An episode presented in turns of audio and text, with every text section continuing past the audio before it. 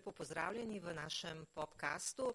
Današnji gost je Aljoša Petek, okoljski pravnik, ki dela na Pravnem centru za varstvo človekovih pravic in okolja in je eden izmed redkih pravnikov v Sloveniji, ki se posebej ukvarja z okoljem. Lepo pozdravljeni. Lep pozdrav.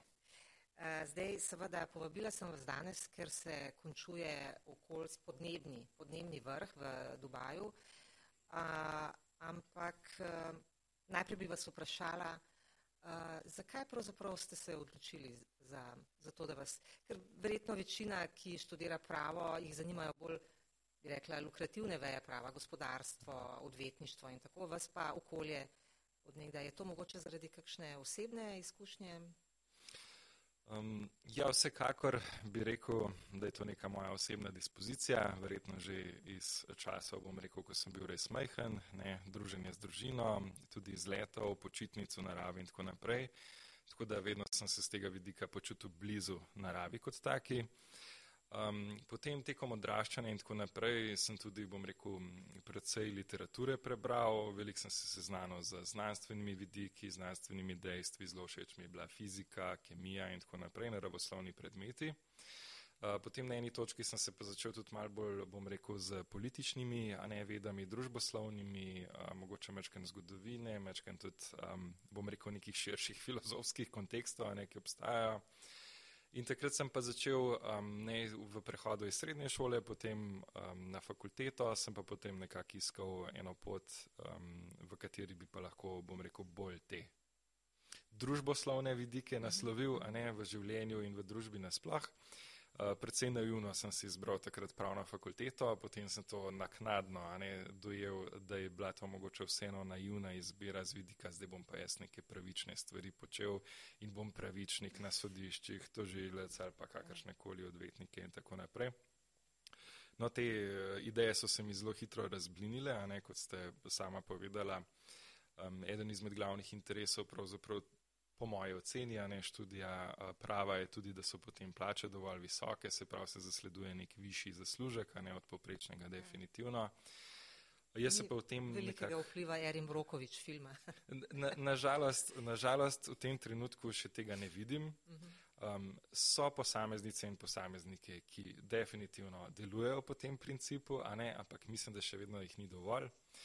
Um, in potem nekako v, v tem kontekstu, a ne, sem se med študijem zgubil in potem tudi našel v temi, a ne, ki, v kateri sem pa nekako smatral, da lahko še nekaj vrnem družbi, še posebej, a ne, okolju oziroma naravi. Uh, potem sem preko študentskih projektov, se pravi, povsem ob študijskih dejavnosti, a ne prostovoljnih, sem potem nekako prišel do tematik varstva okolja um, in tam sem se potem tudi na dolgi rok uh, znašel. Samo še morda v, v nekem vašem intervjuju sem brala, da mhm. omenjate, da nekateri odvetniki, uh, ki so nekoč delovali v prid okolja, navajate Nino Zidar Klemenčič, ki je, uh, vemo, izborila ne, z ekokrogom uh, proti Lafaržu, potem je pa postala odvetnica Salonita ne, Anhovo in, in napada, ne, v bistvu žuga zdaj uh, svojim nekdanjim klientom, ekokrogu in tako naprej. Ne. To je, bi rekla, bolj morda običajen, vsaj eh, pri nas, ne, obrat, um, da si vse čas, da se prav posvetiš nečemu. Ne. Um, bom rekel tako, obrati te so vseeno redki. Bom ocenil, da tako preobrat, recimo, je nekaj nepričakovanega vseeno v slovenskem okolju.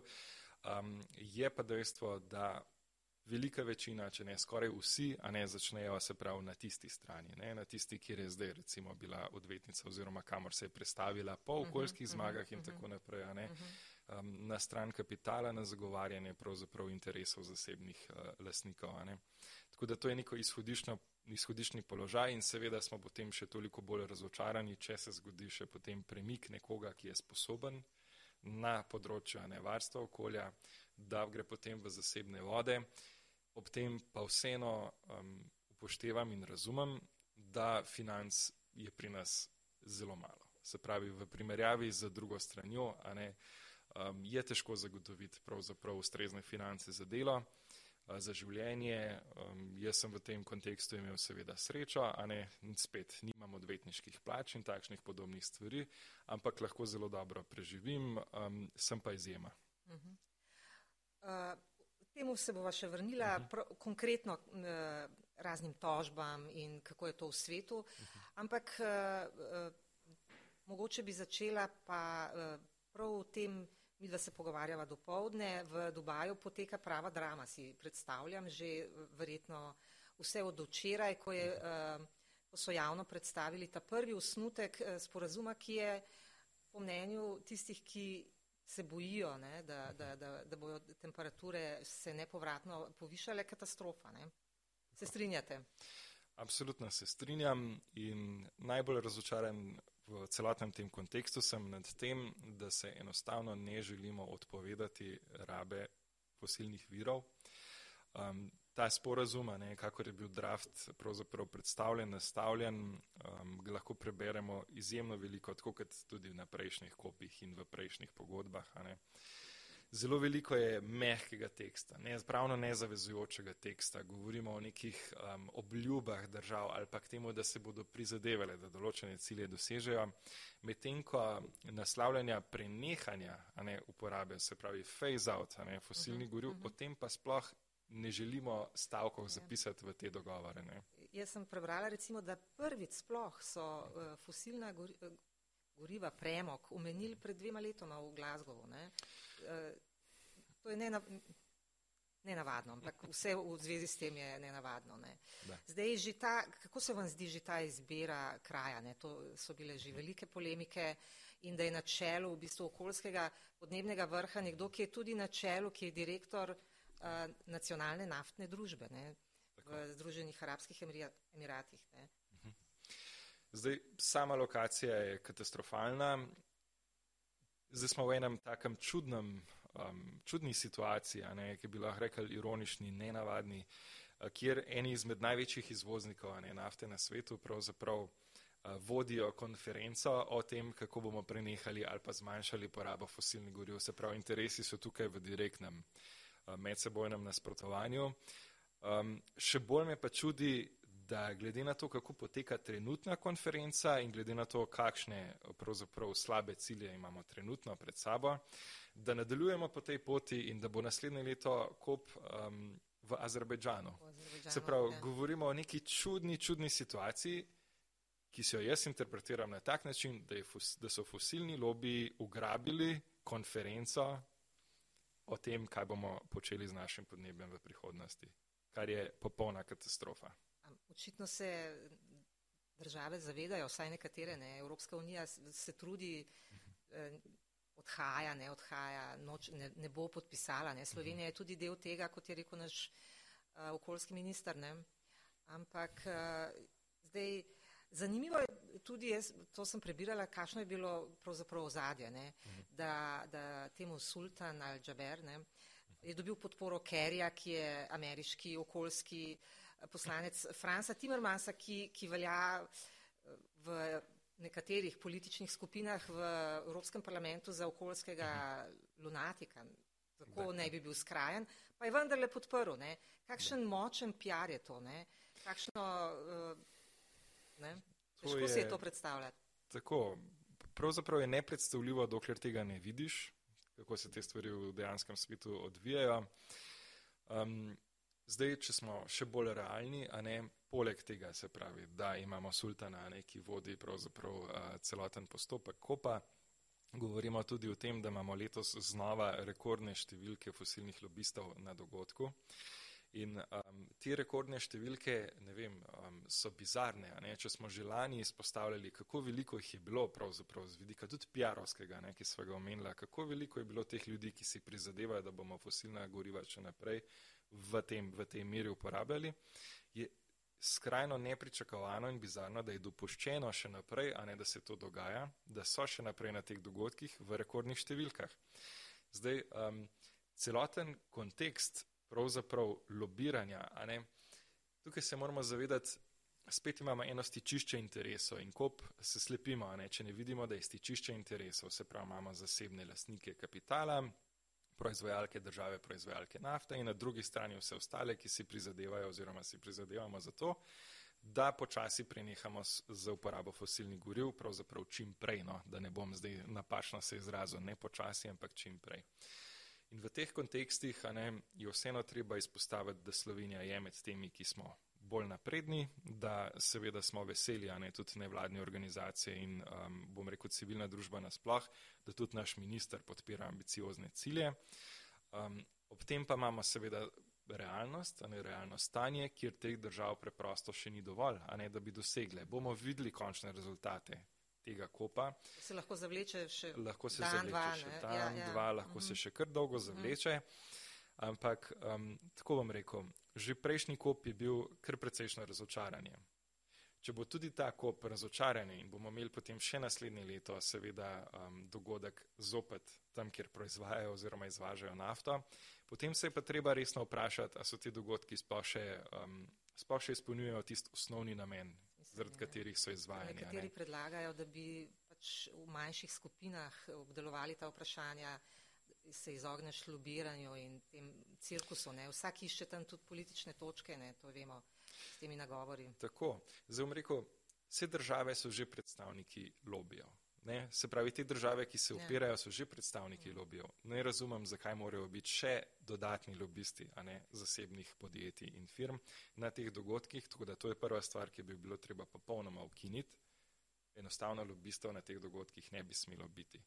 Um, zelo všeč mi je, um, aktivisti, a ne so imeli nek slogan, pravzaprav, ko so pristopili a ne, do teh um, dokopa.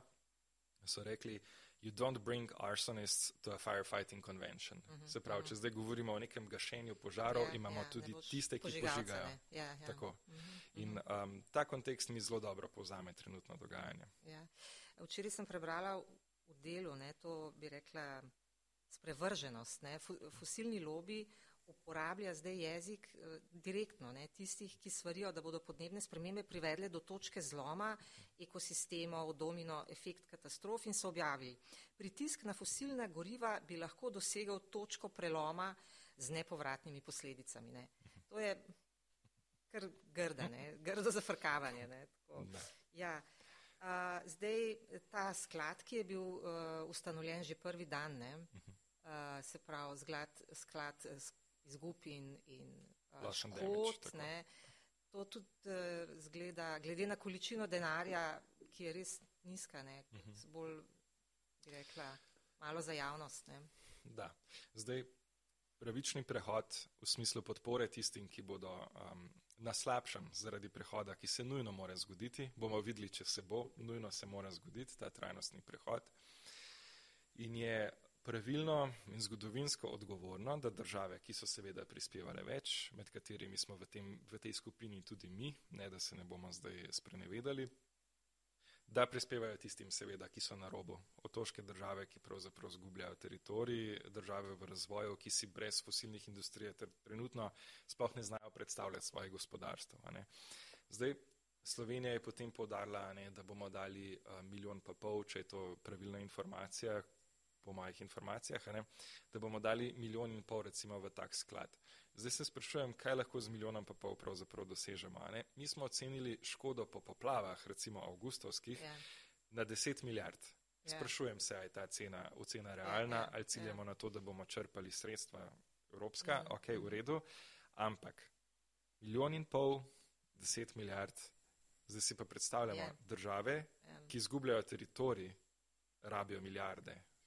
Milijarde. Milijon jim ne bo kaj dosti Združeni pomagal. arabski emirati pa Nemčija so donirali največ ok- o- okrog 100 milijonov. Ne. Tako. 700 milijonov je, ja, kot, kot ste, če primerjamo z malo Slovenijo in poplavami, že to tako, Zelo skoraj direktno, nič. Ne. Tako. Ja, je pa, uh, se sliši, ne, ko bereš komentarje, poslušaš ljudi, v bistvu mi smo mala država, uh, pustite nas, mi ne moremo nič, tako ali tako ne vplivamo na globalno sliko izpustov, zakaj bi bili mi tako neumni in bi se nekaj šli, če se no, nihče drug ne gre in tako naprej. Nekako to obrniti. Ne? Jaz čutim veliko sočutje do ljudi, ki čutijo to na osebni koži. Ne. Razumem. Cene goriv recimo se dvignejo, človek to na vsakodnevni Ja, ravni zelena energija bo predraga in tako. Ja. takoj vidi. Ne. Ja. Se je pa treba zavedati, da če zdaj določenih stvari ne, ne spremenimo in v nekem krajšem obdobju stvari podražimo, kar se bo definitivno moralo zgoditi za trajnostni prehod, bomo na dolgi rok plačevali bistveno, bistveno več. In razumem, da razmišljamo, ne z danes na jutri. To je popolnoma razumljivo. Ljudje tudi nimajo časa, da bi, bom rekel, v širšem kontekstu razmišljali. Ampak, če ne plačamo zdaj, bomo plačevali bistveno, bistveno več kasneje. Te um, informacije ne, o teh vidikih, um, poglejmo recimo um, škodo, ne, ki je bila Sloveniji povzročena že zaradi podnebnih sprememb. Um, najnovejše statistike, a ne z vidika tistih, ki raziskujejo to na ravni Evropske unije, se pravi, pregledujejo 27 držav. Imamo en zelo zgovoren graf iz pravzaprav lanskega leta, ki pravi, da je Slovenija po škodah zaradi podnebnih sprememb, se pravi nekih naravnih ujm, je na samem vrhu, na prvem mestu Evropske unije. Evropska unija. In govoriva o količini, um, se pravi o stroških glede na BDP. Ne? Mhm, mhm. Se pravi v tem procentu, ne v nominalnem znesku. Ja, ja, ja, ja. In tukaj govorimo, da je Slovenija dvakrat više od druge države, ki si potem nekako ne, v nekem sorazmerju potem sledijo do konca. Um, izjemno veliko argumentov je, zakaj bi mogli zdaj delovati. Govorimo tudi o tem, da je Slovenija ena izmed tistih držav ne, na svetu, ki nas je zelo veliko, manjših, ki ne dosegamo odstotka ali pa dveh odstotkov ne, izpustov na globalni ravni. Se pravi, mi smo nekje od spode. Ampak takih držav zopet, ne, če naredimo raziskavo, pogledamo podatke, takih držav je skupaj, ne, če zdaj sestavimo to gmoto do odstotka, do dveh odstotkov izpustov na globalni ravni, dobimo 40 odstotkov vseh izpustov na globalni ravni. Zdaj si pa predstavljamo, se Ja. pravi, te male državice skupaj predstavljamo največjo državo, izpustnico na svetu. In zdaj kdorkoli pride do mene in mi reče, joj, pa mi smo tako majhni, ne moramo narediti nobene razlike. Absolutno jo moramo narediti skupaj z vsemi temi malimi državami, v katerih se pojavlja podobno razmišljanje. Če bomo mi opustili svojo dožnost, bodo tudi druge države. Se pravi, govorimo spet o dobrih vzorih ne, in potem posledicah, ki se zgodijo v kontekstu, da je nekoga že tako sram, da nič ne dela na tem, a ne da se potem stvari zgodijo. In um, mislim, da Slovenija Ja. kot majhna država ima tukaj izjemen potencial. Mi smo majhni, um, bom rekel, uh, odločevalci, politiki imajo neko, um, neko malo območje, v katerem bi res lahko naredili več, tudi služili bi lahko kot vzor na ravni Evropske unije. In te priložnosti se, bom rekel, zamujajo no, Ja, na redni ja. osnovi. Je pa eh, tudi pri drugih stvarih, ne, recimo migracijah, a, prehrani in tako se govori, se uporablja beseda varnost. Ne. In ko enkrat mi slišimo javnost, da gre za eh, prehransko varnost, eh, ne vem, varnost eh, pred terorizmom ali pa energetsko varnost, postanemo mehni in ponižni in samo še kimamo. Ne.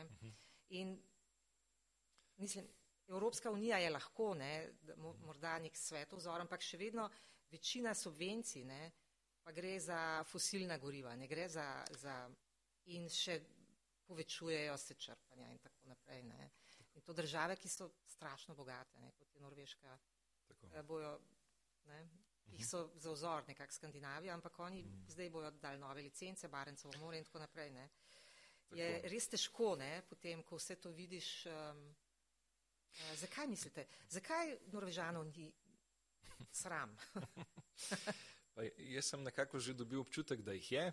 Zdaj so pa, ja. ja, sem dobil nekako občutek, da, da jih je. Eh, Tudi predvsej nekih sredstev prihaja v smislu razpisov, a ne za druge države, se pravi izven Norveške, a ne. Eh, Da se lotevajo okoljske podnebne krize in tako naprej, da jih naslavljajo razne organizacije, od zasebnih do, bom rekel, nevladnih in tako naprej. Um, ampak nekako se ta politika očitno je pri njih obrnila, a ne, uh, bojim se tega trenda. Zdaj smo recimo videli tudi na nizozemskem se je zgodil en tak Ja. preobrat. Uh, pričakujemo še kakšen preobrat pravzaprav v državah a ne Evropske unije. In se to nekako čudno zdaj prevrača v nekaj drugega. In seveda populizem pri tem ima zelo velik, eh, je zelo velik faktor, ima zelo velik vpliv. Če ljudi prestrašimo, a ne, če ne bomo energetsko samozadostni, bo konec, podražile se bodo Če ne cene. pridelovali do, dovolj Tako. mesa in to bo konc Če sveta. ne Ja. bomo pridelovali, še posebej kar se tiče mesa, ne. se Ja, pravi, ja. če pogledamo zdaj subvencije. Pogledajo subvencije fosilnim virom. Recimo približno 2 odstotka BDP-ja slovenskega gre za subvencije fosilnim virom. Ko govorimo o subvencijah v kmetijstvu, govorimo o tem, da mi kot država še vedno podpiramo proizvodnjo mesa, kar smo počeli zadnjih desetletja, smo počeli to. Um, in seveda je pričakovano, a ne tukaj ne gre nikakor za um, bom rekel, kakršnokoli prevaljevanje krivde na kmeta, a ne ki je živinorejec, da se bomo popolnoma jasno razumeli. Ja, ja, ja. Tukaj ni individualen kmet popolnoma ničesar kriv. Tukaj je država, ki je 20-30 let uspodbujala subvencijami pridelavo mesa, potem smo vmes ugotovili, da to mogoče ni najboljše, niti za naše zdravje, niti za našo pač podnebno prihodnost, a ne. Ampak država nadaljuje z vzpodbujanjem te dejavnosti. Se pravi, na mesto, da bi odprla recimo prestrukturiranje, pomagala preusmeriti dejavnost, a veste, v nekaterih okoljih je pravzaprav to izjemno težko, a ne z živino reje iti na mhm, drugo mhm, kmetijsko mhm, dejavnost. Ampak vseeno je treba nek strateški pristop sprejeti. Mi pa pravzaprav, sploh na področju ne kmetijstva, moram reči, da sprejemamo neke strateške dokumente, ki samo utrjujejo status quo, ne razmišljajo o prihodnosti, govorimo o prehranski varnosti. Ja, pogledajte, podnebne spremembe bodo našo prehransko varnost bistveno ogrozile. Mi določenih vrst enostavno ne bomo več mogli pridelovati. Povezav še ne delamo, ne? Tako. Nekako razmišljamo, ne? Tako. Ja. Um, in zakaj ne delamo teh povezav, a ne? Glavne so te povezave pri tistih, ki pridelujejo hrano v Sloveniji. In država na mesto, a ne da te povezave pri njih vzpostavlja, pa tukaj ne govorimo zopet o ljudeh, ki ne bi bili. A veste, zelo veliko stereotipov je o kmetih, ja, ja. Um, ampak um, praktično so pa zelo razumni. Ne? Se pravi, če jim praktično omogočimo in razložimo, zakaj nek prehod, uh mhm. -huh. jaz verjamem, da velika večina uh, bo razumela. Ne? Tudi iz mhm. osebnih izkušenj verjamem, da bo ja, velika ja. večina razumela. In so pa s tem povezane seveda finance.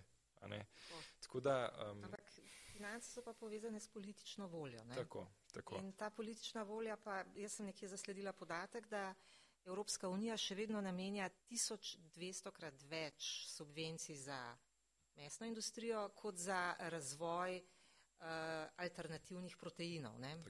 1200 krat več. Ne? To je zelo ja, odgovoren podatek. Ja. Uh, Mimo grede, Slovenija je v Dubaju podpisala tudi neko zavezo o potrojitvi rabe jedrske energije ne, do 2050. Kako se to vam zdi, recimo? Ne? Nekateri vidijo rešitev v, te, v jedrski energiji? Ne vem. Ja, ja zdaj. Um, Odrešitve tukaj v kakršnikoli obliki pravzaprav ni. No? Slepimo se, če mislimo, da bomo z enim velikim projektom rešili ali pa naslovili vse naše probleme. To je tako, prva stvar. Tako bi do leta 50, ne? Tako. Ja. Zdaj, slepimo se, a ne, če mislimo, da bomo mi zdaj svoje okoljske ali pa podnebne cilje dosegli, a ne, če čim prej investiramo v nuklearko. Um, treba je razmišljati o tem, kje bomo pravzaprav gorivo dobili. Se pravi, govorimo o neodvisnosti, a ne, govorimo o tem, da bomo samo zadostni z vidika energije. Ne izpostavimo pa nikoli tega, da bomo gorivo vedno kupovali druge. Se pravi, zdaj naslovimo argument um, neodvisnosti, samozadostnosti, tukaj popolnoma pade. Se pravi, mi smo odvisni od drugih držav. Jaz osebno um, nisem opredeljen sploh um, za nuklearno energijo v Sloveniji ali pa proti nuklearni energiji v Sloveniji. Mislim, da ta debata mogoče vsega v širši, a ne širši spektr, širši družbeni spektr. Omenjali smo tudi referendume, a ne tudi ja, ja. ta vlada pravzaprav je omenjala referendum o tem, a bi Slovenija investirala v nuklearno energijo na dolgi rok ali ne in tako naprej. Ampak po drugi strani pa vidimo zelo zaskrbljujoč trend, ki um, mene kot nekoga, ki pravzaprav nadzira ali pa spremlja ne, mhm, dogajanje, uh -huh. zelo skrbi. Zdaj spomnimo se mogoče našega tež projekta. Ja. Jaz tukaj trenutno vidim direktne usporednice. Zato, ker politični vrh podpira nuklearko, obljublja javno razpravo, obljublja referendume in tako naprej, obenem pa dejanja kažejo, da se projekt nadaljuje administrativno, mhm, birokratsko, uh -huh, uh -huh. se nadaljuje, se pripravljajo podlage, se pripravljajo načrti. Ni transparentnosti. Tako. Ja, se ja. pravi, tukaj spet vidimo situacijo netransparentnosti in me je predvsej presenetilo, um, kot, uh, bom rekel, profesionalno, kot osebno, ne, da um, sta naša glavna pogajalka in tudi predsednica ne, Republike Slovenije, um, da sta podprli pravzaprav uh, te resolucije, ne, mhm, te mhm. usmeritve, uh, brez tega, da smo v državi to na kakršnem koli širšem forumu izven energetskega ne, ali pa izven gospodarskega, ker se moramo zavedati, da Če gospodarstvo podpira. Tako, to, ne, teh ja. pogovorov enostavno Ni to ta prav vir ne, informiranja, verjetno, to, če gre za tako stvar. Ne.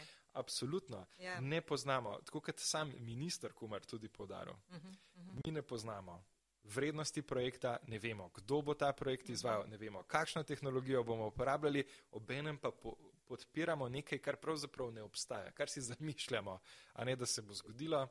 In v tem kontekstu res uh, več transparentnosti je nujno in jo bomo tudi zahtevali v celotnem tem procesu zdaj strateško. Pravim, mi je vseeno, če se na koncu odločimo, da bomo imeli nuklearno energijo ali pa ne. Uh -huh. Ampak kako bomo do tja prišli, vse poznamo ta pregovor. Glavno je, kako pot do cilja, ne, ne sam tako. cilj. In to je bistveno. In tukaj bomo pa, bom rekel, dosledno spremljali in tudi opozorili na vse nepravilnosti, ker se bojimo ponovitve zgodbe Teša. Yeah. Uh, če greva morda zdaj konkretno na vaše področje. Ne, uh -huh. vi, um, okolje in kaj lahko kot pravnik uh, naredite. Uh, jaz sem to zdaj predvsej prebirala, v svetu je že kar nekaj uh, tožb ne, uh, posameznikov, organizacij. Uh, se vam zdi, da je to neka prava pot? Po vaših izkušnjah, vse bova potem še govorila konkretno o primerih, ampak tako nasplošno me zanima, ali to vpliva na politične odločevalce. Uh -huh. uh, se pravi, z, recimo zmaga na sodišču je nekaj, um, kar ima definitivno vpliv uh -huh. in je pozitiven premik v državnem sistemu. Je pa odvisno seveda od vsakratnih odločevalcev, a, ne, a bodo zdaj to sprejeli kot neko dejstvo ali bodo poskusili recimo prilagoditi zakonodajo na način, ne, da bo ustrezala še vedno nekemu statusu quo oziroma ciljem. Ampak bom rekel, nasplošno so zmage na sodišču ene izmed glavnih gonil razvoja na okoljskem področju. Če zgodovinsko gledava, to, so to izjemno pomembne zmage. In, um, tudi v slovenskem okolju smo že imeli neuspešne primere, uspešne. Naprimer, Lafarge je en tak dober primer, tako vsekakor je en tak dober primer. Um, so pa tudi, veste, bom rekel, manjše zmage, ki se tičejo um, ulaganja pobud na ustavne sodišče, še posebej v primeru um, kar je najbolj nedavno, no, kar je vredno izpostaviti, ker vedno govorimo o nekih krizah, energetskih, korona kriza in tako naprej. Ali pa zdaj smo imeli poplave in imamo spet mhm, zakon o mhm. obnovi in razvoju po poplavah, spet imamo neko krizno stanje. In um, takšne zmage so tudi, da ustavimo določila, ne, ki pravzaprav odpravljajo okoljske varovalke. Ne. Recimo v času koronavirusa, ne, v tistih protikoronskih paketih, a ne mhm, zakonodajnih, ki smo jih vsi tako spremljali, um, se je posegalo v gradbeni zakon, v zakon o urejanju prostora, na način, da so lahko investitorji recimo na lastni riziko začeli graditi, preden so pridobili pravnomočna gradbena dovoljenja. Recimo. Takšno stvar smo ustavili tudi. No, vi ste ja sodelovali da. zelo uspešno pri tej uh, kampanji uh mhm. zakon o, o vodah, Tako. ki je bila res zgodba o uspehu. Ne? To je pa zdaj uspeh, ki je, bom rekel, Pravzaprav, Res me zanima, zakaj je to uh, tako ja. pritegnilo ljudi. Se, mm. Takih akcij pa nagovarjan javnosti je več, ne? ampak ravno pri vodah je bil pa velik angažma ne? in odziv. Ja. Zdaj, politična situacija je bila takšna, kot je um, bila. Uh, tako da tukaj je bilo več ja, faktorjev, ja, ja, ki so ja. med seboj sodelovali. Imam pa občutek, oziroma po vseh raziskavah in teh stvarih in tudi rezultatih, a ne referenduma, na koncu smo videli, da pa voda je pa neka tema, ki je ljudem zelo, slovenkam, mhm, slovencem, mhm. prebivalkam, prebivalcem, um, zelo blizu. Uh, tako da uh, v tem kontekstu je že bila ena predispozicija dobra, potem smo pa govorili o tem res, kar je dejansko bila zgodba, da zavarujemo naše vire um, pitne vode, pa tudi vire vode v smislu uživanja, ne dostopa do vode in tako naprej. In to je ljudem enostavno um, blizu. Si želite sploh komentirati te odzive, ki so bili pri poplavah, da je ta zakon kriv? Z veseljem komentiram, z veseljem komentiram vse posod in vsakič. Ta stvar me zelo uh, osebno tudi, bom rekel, razkuri. Um, vodna infrastruktura v tem kontekstu um, je lahko grajena ne glede na to, kakšne spremembe so bile predvidene v spremembah zakona o vodah. Tam smo govorili predvsem o zasebnih investicijah, o benzinskih črpalkah, restauracijah, gostilnah, cisternah, ograjah, ob vodi, na vodnih pravzaprav tudi zemljiščih. Um, ko govorimo o vodni infrastrukturi, ki omogoča in gašenje požarov in potem tudi reakcijo recimo v smislu protipoplavnih ukrepov in tako naprej, te stvari so pa že zdaj dopuščene. In popolnoma v nasprotju s kakršnokoli moralno držo je, ali pa tudi z vidika neke intelektualnosti, uh mhm. -huh. da sploh lahko takšno stvar pravzaprav izjaviš in obtožiš nekoga, ki s tem nima nič. Obtožiti je treba tiste, ki 30 let na tem področju niso naredili dovolj. Yeah. Ja. Poplave so rezultat podnebnih sprememb, ampak v zelo veliki meri človekovega delovanja v zadnjih 30, let, 30 letih uh -huh, uh -huh. in našega grajenja protipoplavnih zaščit, ki več kot očitno ne ustrezajo trenutnemu uh -huh. stanju. Eh, glede na te tožbe, pa vi to delate že dolgo časa, se vam zdi, da se spreminja, ker tukaj so pomembni sodniki ne? in sodnice, kako sodišča so odprta za to, -huh. se spreminja tukaj razmišljanje. Uh za uh, že, verjetno je že težko, da se prepozna, da ima, da ima nekdo sploh interes, ne, da se sprejme Tako. nekaj. Ne. Ali se to spreminja z leti ali ne? Jaz bi rekel, da počasi skozi leta se dogajajo premiki, včasih tudi, bom rekel, zelo veliki premiki. Je pa res problem izkazati pravni interes. Se pravi, če zelo po, po, poenostaviva, ne, da sploh lahko vložimo tožbo na sodišče. Ne? Včasih treba neke prepreke uh, prehoditi oziroma preskočiti, ki so zelo težke. In za preskakovanje teh ovir je pravzaprav vedno potrebna pravna pomoč, se pravi, potrebno je znanje, že v tisti točki. Ko pa govorimo potem o odločanju na sodiščih, je pa spet problem, da je okoljsko pravo, podnebno pravo, tukaj govorimo o enem ogromnem korpusu pravil. Če gledamo samo Evropsko unijo, okoljsko pravo je največji po številu ne, predpisov, je daleč največji del prava Evropske unije. Se pravi, govorimo o tem, da se sodniki, ki potem odločajo o takih primerih, a ne, ki jih pripeljemo do sodišča, se morajo seznaniti z ogromno enega gradiva, ogromno ene vsebine. In jaz um, recimo v sodni sistem slovenski, bom rekel, zaupam, mhm, verjamem, da mhm. delujejo v skladu s tem, kar poznajo in kar verjamejo, da je prav. Ne. Um, je pa v tem kontekstu še vedno treba razviti sodno prakso, še posebej v Sloveniji, ne, in čim več teh primerov pravzaprav pripeljati pred sodišča, da se tudi sodniki ne, s temi primeri seznanijo, da vidijo, kako v tek, da bi v takšnem in drugačnem primeru odločili, ker ko pa imamo spostavljeno sodno prakso, ne, potem pa imamo že nek korpus znanja, ki tako tistim, ki vlagamo tožbe, kot uh mhm. -huh. tistim, ki odločajo, a ne potem pomaga, da so ti rezultati boljši. Ne. No, in zdaj smo pri ja. uh, vašem eh, vodiču, bi rekla, ki pom bo pomagal ne, vsem. Pravzaprav je namenjen, naslov je Štoparski vodnik po varstvu okolja. Uh, super naslov se mi zdi. Mimo grede, ne ste ljubitelj Douglasa Adamsa, verjetno. Tako z ja. Senko Šivkovic, katero ja, sva, ja. Um, bom rekel, bila glavna urednika, ne vodnika, sva, ob, bom rekel, fena, ne, ja, ja. obožujeva knjiga. Uh -huh, da, da. Uh -huh, uh -huh. To je kar ena taka redka, uh, redek priročnik, ne, uh -huh. tudi širše gledano. Ne. Uh, kaj pravzaprav ta vodnik preprosto pojasni tudi nepravnikom, ne, uh -huh. verjetno, kakšni so načini, da v življenju uveljavljamo pravico do čistega zdravega okolja. Ne? A, verjetno je bilo težko to eh, spraviti v ta jezik, ne? preprost. Absolutno. Pravzaprav smo šli čez, bom rekel, tri ali pa štiri revizije, um, kjer smo skušali besedilo čim bolj poenostaviti. Ne? Avtorjev nas je bilo pravzaprav šest. V tem kontekstu smo vsak pokrili svoje področje, ki ga več ali manj ne obvladamo. In um, Potem je pa, so pa kot urednika ne, mogli čez vse te tekste in jih krajšati, poenostavljati, narediti čim bolj dostopne za javnost. Zdaj, um, v tem kontekstu to pomeni, da smo člene popolnoma ne, odstranili, sklicevanje na predpise in tako naprej zelo poenostavili oziroma naredili dokument tak, da vidiš samo vsebino, se pravi procesno in vsebinsko, kako se v postopke vključevati, kdaj se v postopke vključevati, kakšni so roki in potem kaj pravzaprav zatrjevati, kako priti do dokazov, kako ne, uh -huh, uh -huh. svoj argument utemeljiti z dokazili. Um, na tak način, ki nekako vodi ne, čez vse tiste najbolj pomembne postopke varstva okolja v ja. Sloveniji, ne, kako od prve točke, ko ugotovimo, da nekaj mogoče v okolju ni v redu, ne, tukaj uh -huh. govoriva pogosto o nekem onesnaževanju vode ja, ali pa izpustih v zrak, ja. te so najbolj pogoste stvari.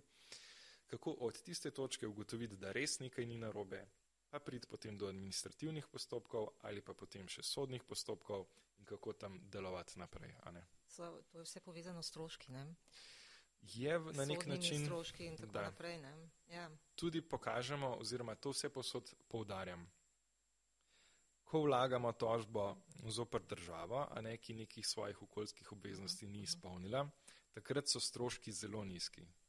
Če sem zelo tudi plastičen, če tudi če zgubimo na koncu, -huh je strošek, bom rekel, se giblje okrog 150 evrov za vložitev tožbe in izgubo. In tožbe. To je to. Uh -huh, Se pravi, enkrat plačamo 150 evrov, če zmagamo, ga ja. dobimo nazaj, če, ne, če zgubimo, uh -huh. potem ostane pač v. v koristen podatek. Ja. Tako, ja, tako. Ja. Če pa govorimo o zasebnih tožbah, uh -huh, ne, uh -huh. je pa tukaj situacija mečkeno drugačna je pa treba biti previden na kakšen način, ne se zasebne mm, tožbe mm. pravzaprav proti podjetju, zdaj govorimo o ja, zasebnih ja, lastnikih ja, individuumih, vlagajo. Tukaj smo pa tudi naredili v Sloveniji bistven premik v zakonu o varstvu okolja, kjer smo pa zopet napisali, da če ne gre neko, za neko očitno zlorabo instituta ne vlaganja tožbe, ja, da niso slepne. Da, ja, tako, ja. da še vedno lahko sodišče odloči, da tožnik zasebnega podjetja, tisti, ki toži zasebno podjetje, ne rabi plačati stroškov, odvetnikov, pravnih stroškov, ne nasprotne stranke, če je očitno, da ni izigraval postopka. Se pravi, smo pa zdaj v neki fazi, ta člen pa še ni izkoriščen toliko v Sloveniji, tudi vidimo, da nekih zasebnih tožb veliko ni, ampak večinoma sprožamo to proti državi, ki bi mogla zasebno institucijo nadzorovati, da pravilno in v skladu z zakonom deluje. Ne? je v tujini verjetno več tega. Zdaj, uh. -huh. videla sem, da je eh, nizozemsko veleposlaništvo tudi uh mhm. -huh. sofinanciralo. Uh. -huh. Pa mi je to zanimivo, ker je ravno najbolj znan nekak ta tožba pa zmaga eh, nevladnikov je se zgodila na nizozemskem uh -huh. Urgenda ne? in to je skupina uh, aktivistov, ne? to je tožila državo, da naredi premalo za uh, Eh, zmanjševanje segrevanja, ne, tako nekako. Tako. In, so, in so na koncu zmagali. Ne. Tako. Vzoren primer nekak, ja. Uh mhm. -huh. Ta primer je zelo pomemben, ker je dal neko upanje tudi ostalim uh, primerom, sploh v evropskem okolju, ne, da je to možno, da se da to narediti. Tukaj je bilo seveda tudi veliko pravnega dela upravljenega. Ne. Zdaj, ko govorimo o aktivizmu, govorimo pogosto tudi o strokovnjakih, ki so v teh krogih, a ne aktivističnih si prizadevajo. Tako da zelo kakovostno pravno delo in seveda zelo kakovosten PR okrog vsega tega. Sporočanje javnosti, gledajte, to je pomembno. Slepimo se, če mislimo, da um, bom rekel, nek družben kontekst ali pa pritisk ne, civilne družbe, da ne prispeva k temu, da take tožbe tudi uspejo. Ker smo v nekih situacijah in potem um, se je ta tožba nekako razširila. Ne? Smo videli tudi potem veliko uspešnih podnebnih uh, primerov v drugih državah Evropske unije, na zadnje tudi v Nemčiji um, in tudi to bi želel izpostaviti. Uh -huh. Zdaj smo v fazi sprejemanja podnebnega zakona v Sloveniji. Uh -huh. V Nemčiji so naredili isto napako, kot je trenutno predvidena v našem podnebnem zakonu. Uh -huh niso določili zavezujočih podnebnih ciljev, niso zelo, določili cilje do 2030 Verjetno in niso določili zadostnih. Dubaj, ne? Uh, Dubaj Tako. efekt. Ja, Tako. Ja. Uh, ja, zdaj uh, recimo zanima me dva taka primera, sem, uh, sta mi prišla na misel. Ne? Uh, en je mogoče manjši, ne, saj, ali pa tudi ne, recimo poseki, ki so dreves in to. Vse civilna družba precej, ali recimo pred dramo tam. A je to smiselno iti v tožbo v takih stvarih? Um, zdaj čisto odvisno posplošenega odgovora tukaj ja, ne ja, morem ja, dati. Ker stroka nekako zagovarja to, uh, investitor zagovarja, da ne gre drugače in tako naprej. Ne? Ja. Kontekst vseh teh stvari je vedno najbolj pomemben. Zelo Mhm, težko je razumeti, da ni jaja, pa ne. ne? V teh stvarih ni, ni absolutnih pravilnih in absolutnih negativnih um, argumentov, ne oziroma resnic. Um, tukaj lahko govoriva tudi primer je nuklearka. Ne? Ni absolutno dobra in ni absolutno slaba, ampak smo nekje v tistem Ja. polju, ki ga moramo ne najti.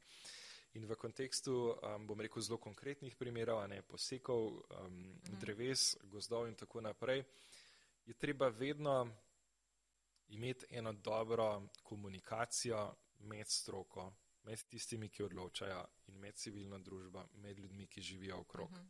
In ti primeri, a ne, ki ste jih omenili, oziroma ta primer konkretno, je eklatanten primer tega, kako ne postopati v teh primerih z vidika sodelovanja javnosti. Jaz nisem strokovnjak, jaz ne vem, če so ta drevesa Ja. mogla biti posekana ali Ja. ne, ampak se bom pozanimal, a ne, to je moj modus pač delovanja. Dožnost teh, ki te stvari odločajo, pa je, da se zavedajo, da gre za nek, neko širšo družbeno temo v tistem tudi lokalnem okolju ne, in da morajo te ukrepe sporočiti, napovedati vnaprej, razložiti, zakaj. Imamo številne primere sekanja recimo dreves tudi v Sloveniji, kjer je bilo ustrezno sporočeno, da so drevesa nevarna, da jih je treba zamenjati in tako naprej.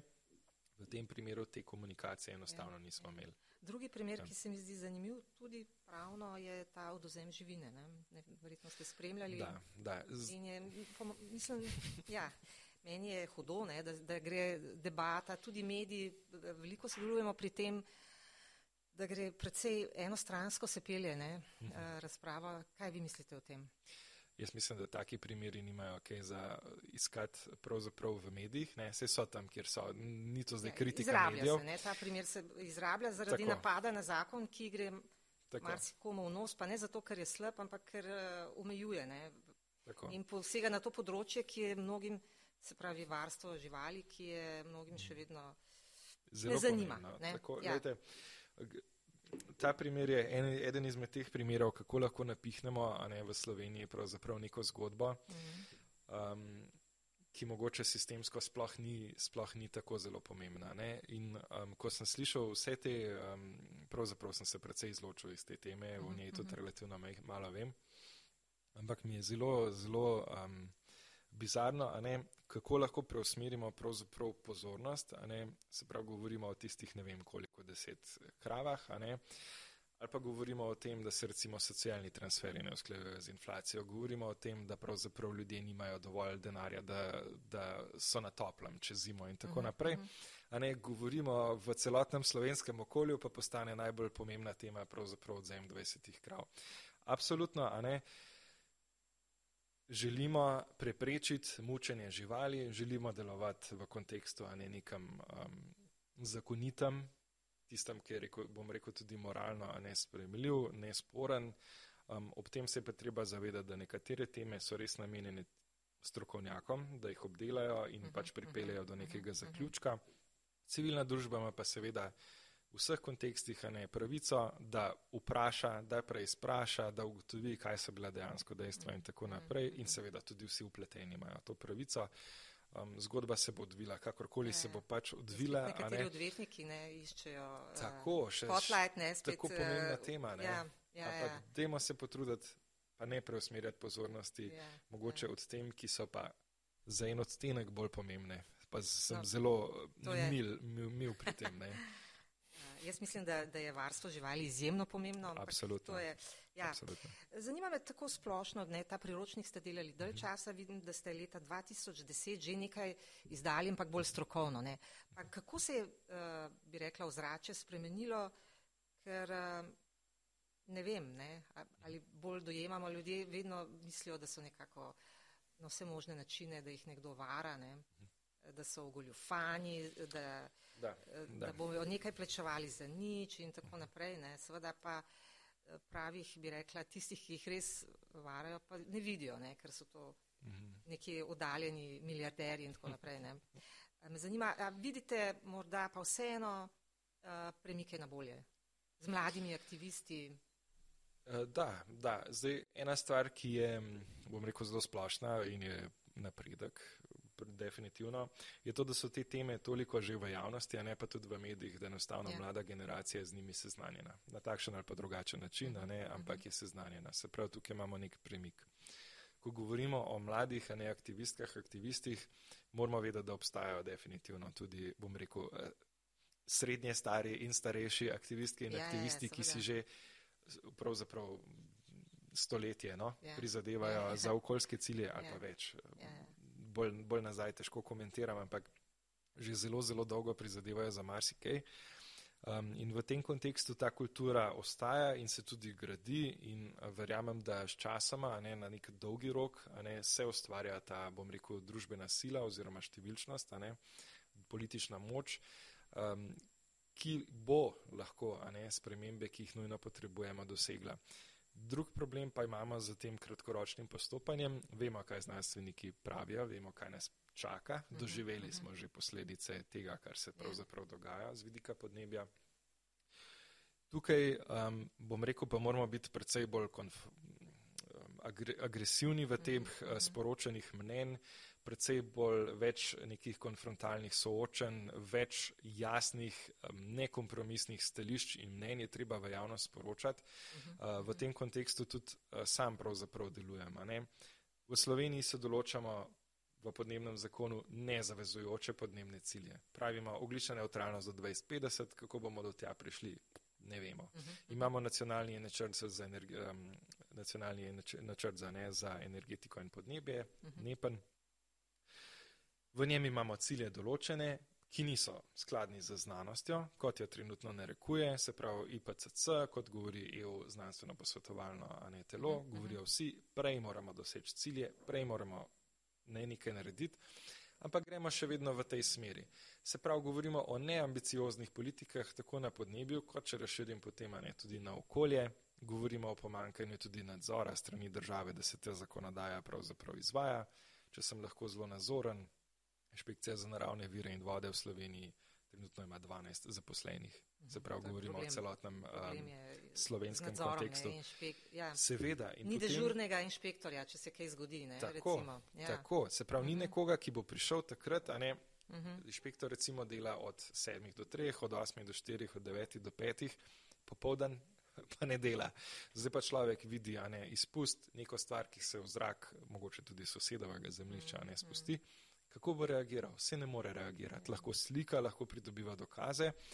Dali smo tudi v štoprskem vodniku napotke, na kako v teh primerih mhm, pravzaprav mhm. ravnati. Če se nekaj zgodi v soseščini. Ne? Tako, ja, ja. tako ampak sistemsko je pa to nenaslovljeno. Ne? Nimamo dežurne inšpekcije. Ja, ja, ja. Ali čut, morda ob vsem tem čutite vseeno nek. Uh, večji, bi rekla, angažma na splošno ali pa morda neko zanikanje, fatalizem v dano sosodo, ker v okolju že govorimo dolgo ne? in morda so ti izrazi, ko jih slišimo, nekako zapremo trajnost, eh, kaj sem si še napisala, okoljski. Ko to sliši, zapreš ušesa v glavnem. Ne? Bi rekla, te teme, mi bi rekli, da so rating killer, ne, ne vse, ne, kakšen konkretna stvar, ja, ne, ampak eh, pa govorimo o tem, kar je pa nujno, ne, da, da je treba svetovno nekaj narediti, to pa je pa že malo deleč. Kaj, kako se vam zdi, da, da vseeno je večje, je nekega angažma? Da, zdaj, čist psihološko, ja. smo ljudje, ki rabimo spodbude in pozitivne informacije in smo ljudje, ki rabimo negativne informacije. Prav razdeljeni smo tako mačkan družbeno, mm -hmm. ne so takšni in drugačni ljudje. Mislim, da vi kot mediji imate zelo dober pregled nad uh, psiho, a ne ljudi. Uh, ampak mi bi no, neprestano želimo sporočati neke um, pozitivne stvari, dosežke in tako naprej, a ne s tem, da bi na ta način motivirali ljudi. Uh mhm. -huh. Ampak jaz mislim, da smo počasi prišli v fazo, kjer je treba te negativne vidike in posledice za naše življenje, bom rekel, zelo jasno sporočati. Ja. In uh, v tem kontekstu Podar, tudi finančne ne? Ne, mhm. okvirje, kako Tako. bo to vplivalo na naše življenje, je neverjetno pomembno. In jaz sem v kontekstu ne, okoljskih in podnebnih politik sem postal zelo, bom rekel, realističen ne, v svojem osebnem tudi prepričanju. Uh -huh. um, verjamem, da se bo mogla zgoditi takšna ali pa drugačna kriza, ne, ki bo ljudem res pustila v glavi nek spomin na to, da si tega nikakor ne želimo več. Jaz sem prepričan, da so ljudje v teh poplavah Ja. doživeli škodo, ki so se zdaj zavedali ne, in vedo, kaj se lahko zgodi. Jaz ne želim, ne, da bi kot družba mogli doživeti tak dogodek, ampak kakor se trenutno obnašamo, gremo na pot do katastrofe, da bomo reagirali po katastrofi, namesto, a ne, da bi prej preventivno delovali. To mene, pa moje osebno delovanje, ne bo niti slučajno spremenilo. Ja, ja, ja. Jaz bom pozitivno, a ne um, deloval še naprej, skušal prepričati vse posod, se pa zavedam, da so potrebni res koreniti, korenite spremembe, a ne delovanja v družbi. Zdaj vsi govorijo, ah, osebne navade, gor dol. Ampak te stvari morajo priti od zgore na vzdolj. Se pravi, ta masa ljudi se mora zgoditi, ki se bo skupaj odločila, zdaj gremo pa mi po tej poti naprej. Trenutno definitivno še tam nismo, verjamem pa, da smo lahko. No. Ko ste omenjali poplave, meni smešno. Mislim, da imajo ljudje občutek, da, da so to res stoletne poplave in da se to vsakih sto let bo zgodil kot nek eh, izjemen dogodek. Ne? Da tega, um, tako, čisto tako me še zanima, uh, pri svojem delu verjetno uh, razne interese se tudi uh, pride do kakšnih, bi rekla, tren. Uh, ste kdaj doživeli kakšne grožnje, napade? Jaz osebno ne. Um, mogoče je to povezano tudi z načinom, kako delujem, vsem skušam drugo stran slišati. Um, sem pa zelo uh, brez kompromisov, kar se tiče um, svojih stališč, svojih tudi, ja. um, bom rekel, argumentov, predlogov in zahtev. Um, v tem kontekstu ne moram reči, no, da, sem, da se počutim osebno ogrožen oziroma napaden. Mislim, da smo v Sloveniji še vedno zelo tole- tolerantna družba. Vem pa, da je moja izkušnja mogoče ni uh, splošna ali pa reprezentativna. Uh, recimo, ko smo imeli zgodbo Magne, takrat, če jaz profesionalno recimo Ja. nisem Mhm, deloval, mhm. ampak takrat so bili pa okoljski aktivisti pod hudim, hudim pritiskom, osebni grožnji in tako naprej. Se pravi, tukaj smo pa z vseh strani. Z vseh strani. Z vseh strani ljudi, ki so si želeli službe, Mhm, a ne, mhm. pa seveda do politikov, ki Seveda. so takrat tak, ta proces vodili. Ja, videli smo, kako se je končala zgodba. Zgodba Magno. se je končala, to je tudi ena taka Ja, stvar, ki ja. jo mogoče fajn podariti. Ampak uh, prizadevanja civilne družbe, nevladnih organizacij, ne, tukaj zelo redko pridemo do nekih um, nepravilnih zahtev ali pa ciljev ali pa pričakovanj. mhm. Vedno v nekem časovnem obdobju potem doživimo to resnico. Mhm, Ne? Se pravi, mi enostavno nimamo tukaj nobenega interesa, da se ljudem lažemo ali da govorimo nekaj, v kar ja. osebno globoko Ja. ne verjamemo ali pa ne temeljimo na znanosti. In potem čez čas a ne vedno vidimo, da pridemo pravzaprav do teh Ja. ugotovitev tudi na politični ravni, a ne, ampak terja pač svoj čas in tukaj je tudi Ja. Recimo po vloga. Evropi, recimo ravno na nizozemskem, so se najbolj kmetje upirali ne, Mhm. ostrejšim eh, zavezam za. Absolutno. Uh, in seveda na koncu bodo oni žrtve. Ne. Tako. Ali ste po vsem tem, to je še pa morda za konec, me zanima nek um, pesimist ali optimist, uh, mračni optimist morda? Um, jaz, sem, jaz se vedno definiram kot realističnega optimista. Um, kot sem že prej nakazal, ne, jaz verjamem, da bomo mogli priti do neke škode, do neke katastrofe, a ne, ki bo pravzaprav delovanje Kako človeka obrnila. B- Bomo videli. bomo videli. Lejte, ena izmed zelo neposrednih posledic je lahko, da enostavno izgubimo rodovitnost prst, prsti, da ne bomo mogli več pridelovati hrane, Da da pesek, izgubimo ne. žuželke, Ja. ki nam oprašujejo pravzaprav eh, polovico. hrano. Ne? Tako Ja. um, govorimo o masovnem, ne izumrtju pač, uh, ja. vrst. Tako da posledice so lahko izjemno neposredne. In lahko hitre, se ne? zgodi izjemen izpust, recimo metana, ki se te let se tali, a ne lahko Permafrost, doživimo ja. tako en ogromen izpust um, toplogrednih plinov in se nam bo v zelo kratkem času ne, bistveno otoplilo ozračje. Kar bo pomenilo, da hrane pač na tak način, kot smo jo do zdaj, a ne predelovali, ne bomo mogli predelovati. No. Upajmo, da Ampak ne. ne. Upamo, Ampak da ne. eh, smo še vedno delujemo optimisti. na tem, da ne. Del- Delujemo, da Tako. do tega ne bo prišlo. Tako, tako. Najlepša hvala za pogovor in obisk v našem eh, podkastu. Hvala za vabilo. Mi se poslavljamo do naslednjič.